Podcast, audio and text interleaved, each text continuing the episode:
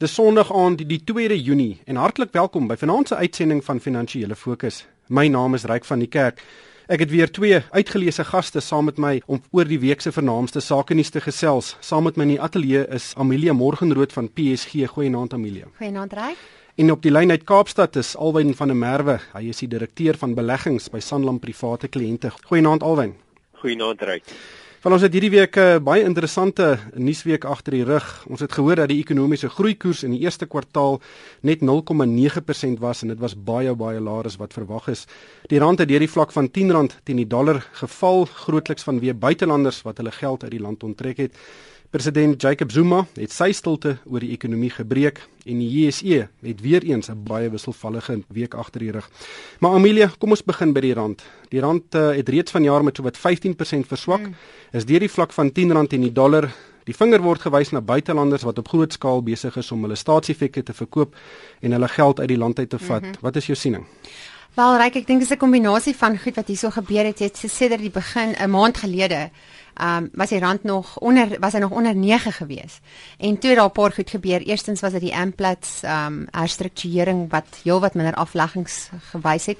Toe is dit die ehm um, die weer die staking by Landrou en so dit aangegaan. Daar was net heeltyd hierdie arbeids dis arbeidsverwante situasies. Ehm um, weet noem het gesê hulle wil uh, in sekere gevalle tot soveel as 60% ehm um, loonverhogings hê. So ek dink uh, dit het alles bygedra om dit aan die gang te sit. En toe sê Standard & Poor, die kredietgraderingsagentskap ook hierdie week dat hulle bevestig Suid-Afrika se kredietgradering en hulle het verder bygesê en ek dink dit is wat so kommerwekkend is. Hulle het gesê hulle hou die uh, regering se fiskale beleid baie fyn dop en veral kyk hulle na wat gaan gebeur met die salaris die lone van die publieke sektor. Dis nou die staatsdiens natuurlik. Daai loononderhandelinge kom ook nog op. En hulle het ges, hulle het gepraat van die ehm um, die die die die skuld die vermoë van Suid-Afrika om hulle skuld te dien met die rand wat natuurlik nou nog so verder verswak is dit onder meer verdenking en ek dink daar's 'n algemene gevoel um, in die buite van buitelanders Suid-Afrikaners almal dat daar 'n baie sterk moontlikheid is dat ons kredietgradering verder afwaarts aangepas kan word en dit sal natuurlik 'n ramp wees vir ons. Mm. En ek dink die feit dat eh, dat president Zuma in sy persverklaring eintlik niks gesê het nie. Hy het eintlik niks gesê nie. En dit is die hartseerste ding van alles. Alwyn, so al hierdie goed is maar vir my bloot simptome van iets wat baie dieper onderliggend is.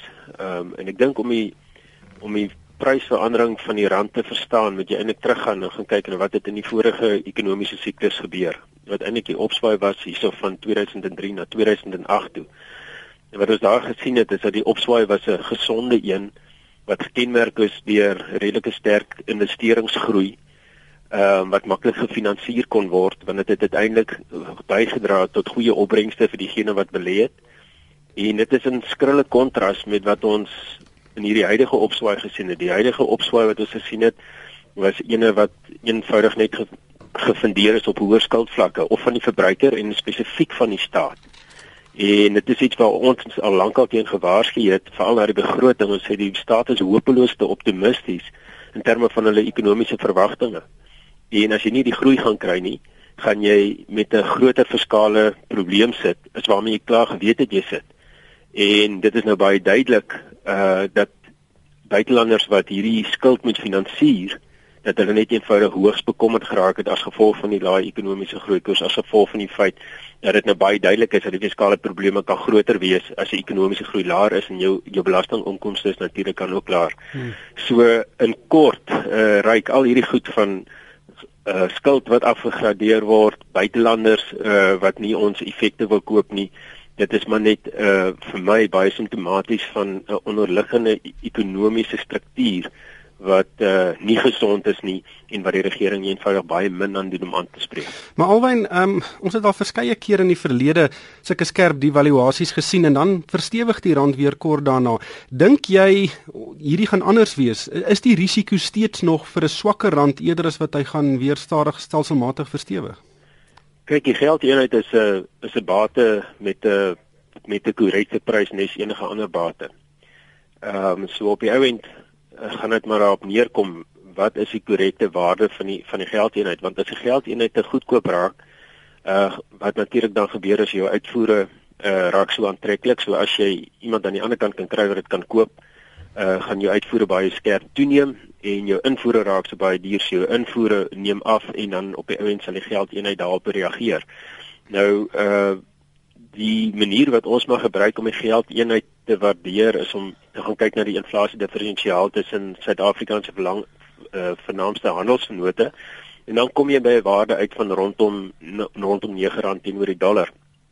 Uh en waar die rand uh die week verhandel het van oor die vlakke van 10 10 rand teenoor die dollar lyk dit of die sentiment uh die ding 'n uh, bietjie te ver dryf, maar waarna Amelia verwys het en waarna ek verwys het is dat ek dink die nuusvloei wat ons kan verwag wat uit die ekonomie gaan kom oor die korttermyn gaan nog steeds negatief wees, sentiment negatief beïnvloed en dit kan nie dit kan die rand na nog laer vlakke toe dryf op die korttermyn. En ons weet dat uh, as jy gaan terugkyk die vorige verhaaltjie wat ek sien afspeel het natuurlik was in 2001 en 2002 uh wat ons weet jy weet die rand kan baie lank ver verhandel van die vlakke wat hy eintlik teoreties werd is. Mm -hmm. En uh, solank die nuusvloei negatief is en dit is wat my bekommer dat op die kort termyn in elk geval dat die nuusvloei die rand uh nog langer kan op op mm -hmm. laer vlakke hou voordat uh die faktore wat ek genoem het gaan inskop en die rand weer terugvat na sy teoreties korrekte vlakke toe. Amila, die, dis ook nie die, die rand wat wat so erg verswak het nie. Die Australiese dollar byvoorbeeld het ook omtrent met 8% teen die mm -hmm. Amerikaanse dollar verswak. Is dit net interne faktore wat die wat die wisselkoers nou beïnvloed? Ek dink dit is 'n kombinasie van faktore. Um, ons ons verwag dit al vir 'n lang tyd dat die dollar ook gaan verstewig, dat hy baie sterk gaan wees. So dit het nou dit is dit is besig om te gebeur. Die dollar is baie sterk. So teenoor al die opkomende markte se geldeenhede en natuurlik kommoditeitstipe lande soos Australië is, het die hulle almal se geldeenhede het verswak. Maar ek dink Suid-Afrika staan uit soos 'n seervinger, soos in 'n ernstige mate. Ons het die heel meeste van alle geldeenhede verswak teenoor die Amerikaanse dollar. Want ons het eintlik nou 'n dubbele dwarsklappie gekry. Eerstens die Amerikaanse dollar wat so sterk staan en dan tweedens was dit al hierdie in uh, weet plaaslike ehm um, plaaslike goed wat nou eintlik weer opgeborrel het. Al daai alles wat die kredietgraderingsagentskappe benadruk het. En ek dink daar's 'n ander baie belangrike ding wat ook besig is om te gebeur ryk in die kapitaal kapitaalmark die die die staatseffekte. Ek die staats die die, die kapitaalmark is 'n baie groot aantrekkingskrag vir buitelanders gewees want omdat die rente die koerse wat hulle die opbrengskoers baie hoër is as byvoorbeeld Amerikaanse staatseffekte. Die risiko is hoër, maar hulle het 'n baie groot premie gekry. Jy weet die uh, in uh, so wel 'n maand gelede nog het die um, die R186 by 6.62 verhandel. Hy's nou by 7.58. Dis amper 100 basispunte, amper 1% wat daai koers verander het. En dit wys vir jou dat daar 'n uitvloei uit die kapitaalmark is. Maar wat ook positief is maar aan die ander kant is ek dink ons kan maklik sien dat die rand binnekort gaan stabiliseer want daai koers begin nou weer aantreklik lyk, né? En as buitelanders gaan uh, net kan agterkom dat ons geld eenheid stabiliseer, sal daar weer geld invloei in ons kapitaalmark, vermoed ek, want ek bedoel teen 7 7.5% dis 'n baie baie goeie opbrengskoers. Val een van die syfers wat hierdie week baie mense laat regop sit het was die BBP groei syfer. Eerste kwartaal het die ekonomie met 0,9% gegroei en dis baie laer as wat uh, ontleeders verwag het en wat ons in die 4de kwartaal van verlede jaar gesien het toe dit 2,1% was. Alwyn hierdie 0,9% uh, syfer het nogal die knippel aan die hoenderhok gegooi. Ja, reg. Uh maar vir hierdie entjie dit uh Miskien maak ek my skuldig aan om syfers op 'n uh, agterkant van 'n sigaretboksie uit te werk. So die goed verras my nie altyd nie, weet want ehm uh, as jy net gekyk het, die die tekens was baie baie duidelik daar dat eh uh, ekonome in die algemeen en die staat ook eh uh, hopeloos te optimisties was met hulle verwagtinge. Ehm um, as jy net gaan kyk, is miskien die maklikste om om na die groei syfers te kyk is om na die verskillende sektore te kyk. Nou jy het weet landbou is nie so groot nie, maar landbou was af met omtrent 5%. Eh uh, die vervaardigingssektor was die was die groot syfer wat uh, omdat 15% van die totale BBP uitmaak dit is af met amper 8% in die in die kwartaal. En en vir my was dit nie totale verrassing nie want die die syfers wat jy uit die ekonomie gekry het ehm um, wat as jy met maatskappye gepraat het, het maar net vir jou daarop gewys dat dit 'n baie strawwe omgewing is waarin dit waarin hulle gewerk het. En as gevolg van nou goed ek weet die stakings het veral in die mynboukant gebeur maar dit was nie net in die mynboukant en die landboukant het dit ook gebeur en tot 'n sekere mate in die vervaardigingskant. Ehm um, jy weet jy net geweet dis so 'n ongeluk wat plek sou kom te gebeur.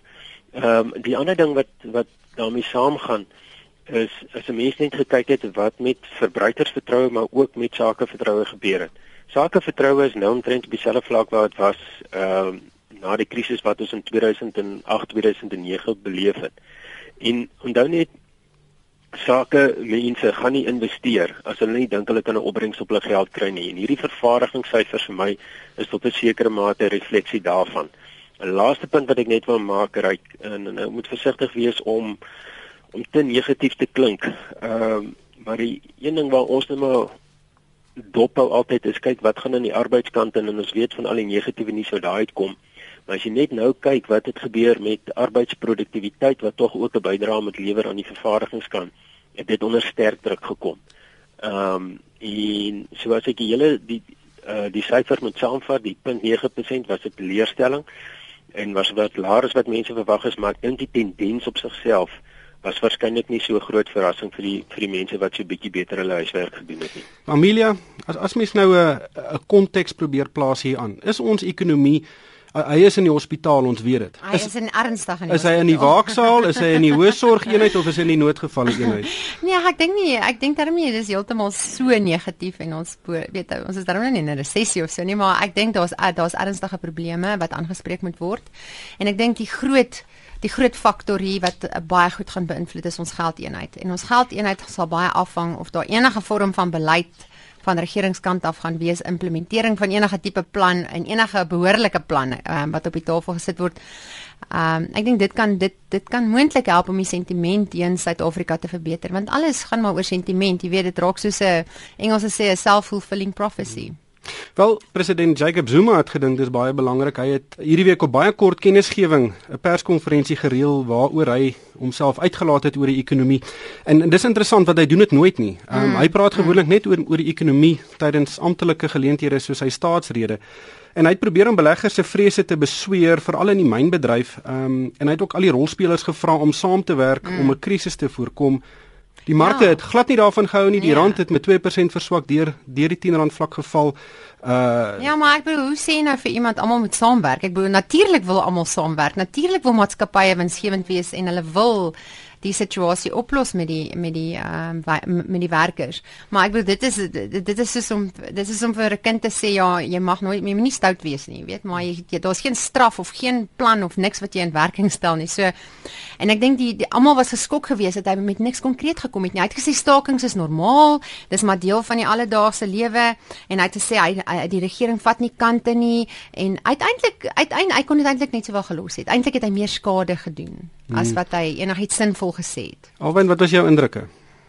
Jurek, ek is waarskynlik die verkeerde persoon om te vra uh as dit by politieke uitsprake kom ek verkies amper al uh om dit te ignoreer. Ehm um, want wat dit maar meeste van die tyd doen, dit skep maar net 'n klomp geraas wat moeilik is wat om om regtig te sien wat aangaan, maar uh, ek dink mense moet tog afslaan dat daai een uh, ten minste het hy die moeite gedoen om verhoog te gaan staan. Ehm um, maar twee dit is soos Amelia sê dis 'n gebrek aan konkrete beplanning en ek dink dit is net dit nie. Jy weet van die eh uh, Trevor Manuel het 'n baie kredietwaardige plan op die tafel gesit, maar dit gaan op die ou end in Suid-Afrika vir my maar rondom uitvoering en dit is waar ons tekort skiet en dit is daadwerklike optrede wat jy tog verwag in sekere areas soos nou op die oomblik in die mynboukant eh, rondom die stakings en en die arbitrasie tussen tussen die werkgewers en die werknemers. Maar om jou vraag te antwoord, ek dink die mark het die mark het gestem met wat hulle dink van sy toespraak en en ek is nou nie een wat ons met, met die mark sal verskil noodwendig op die kort termyn nie. Hmm. Ehm um, ek dink ek wil daarby maar volstaan. Alwyn, ons net vinnig laastens kyk na die JSE uh, in teenstelling met wat op die oomblik in die ekonomie gebeur het, die beurs eintlik 'n baie baie goeie goeie week agter die rug gehad. Donderdag hierdie goudsektor, die goudindeks het met 11% gespring. Nou ek is al lank 'n joernalis, ek het nog nooit 'n sektor gesien wat op een dag met 11% spring nie. En as mens kyk na die maatskappye op die dag, Harmony is met 16,7% op, Eastern Platinum is met 12% op, DRD Gold 11,3%, Anglo Gold 11%, Lonrou 10,3%. Het jy al ooit so iets gesien? Ja, ek het gesien hoe uh African Bank met 17% op een dag val. as jy wil weet en as jy na die oorseese markte kyk, jy weet maklik hierdie tipe goed sien en dan kan ek 'n siniese opmerking maak. Ek het 'n kollega van my met die werk gesê, "Alwen, jy moet net onthou 100% van 0 is 0." so jy moet jy moet onthou dat die goudsektor en die platinum sektor het uh, onder geweldige druk gepaard gegaan. So as Harmony met 17% styg en dan verhandel hy op R41, moet jy net onthou uh Harmony het nie lank gelede nie het op R80 verhandel. So maar dit is natuurlik as gevolg van die randswakte en die goudaandele behoort vir redelike hefboom effek te gee op 'n uh, op 'n uh, hoër rand uh, goudprys en en dit is hoekom die aandele redelik gestyg het. Ek dink daar sou ietsie ook as ek mag sê, ek dink daar kan dalk ietsie van 'n rotasie ook wees ryk. Maar jy moet onthou dat die mynbousektor het ver agter geraak by veral die nywerheidsaandele in, in op die Suid-Afrikaanse beurs. En ons het gesien uh, dat daar dalk 'n bietjie van 'n uptyd kan wees uh, in die hoop dat uh, daai groot gaping wat tussen die nywerheidsmaatskappye se waardasies is en natuurlik die mynboumaatskappye se waardasies eh uh, dat daai gaping kan toemaak en ek dink jy kan kry dat uh, van die beleggers wat hier op die onderkant wil jag vir korttermynwinste dat hulle bietjie in, in daai kant sal soek. Ja, ek stem saam daarso. Ehm um, ek het ook veral opgemerk hierdie week in die mark dat Anglo American en Billiton byvoorbeeld baie gewilde aandele was en skerp stygings aangeteken het. Wat wys dat dit ek my vermoede is dat dit baie buitelandse belangstelling is in kommoditeitsaandele en uh, ek stem saam met daai sektorrotasie wat Alwyn van praat. Van die ander kommoditeitsaandele het geen belangstelling gewek nie. Daar was min beweging by aandele soos Kumba en ehm um, van die ander weet ander kommoditeitsaandele, maar definitief groot belangstelling in die in die groot in die groot eh uh, kommoditeitsaandele wat vinnig kan beweeg en maklik kan beweeg. En natuurlik uh, wat ook interessant is is dat met hierdie rand wat so baie verswak het, is die groot nywerheidsaandele het nie soveel belangstelling gewek nie. Hulle het ook weet hulle pryse staan redelik sterk. Hulle het nie afgekom nie, maar hulle het nie naaste by dieselfde tipe stygings aangeteken nie. Ongelukkig is dit alwaar ons tyd het. Baie dankie aan Amelia Morgenrood van PSG en Alwyn van der Merwe van Sanlam en van my ryk van die kerk. Baie dankie vir die saamkuier en ek hoop die nuwe week is bietjie meer stabiel as verlede week.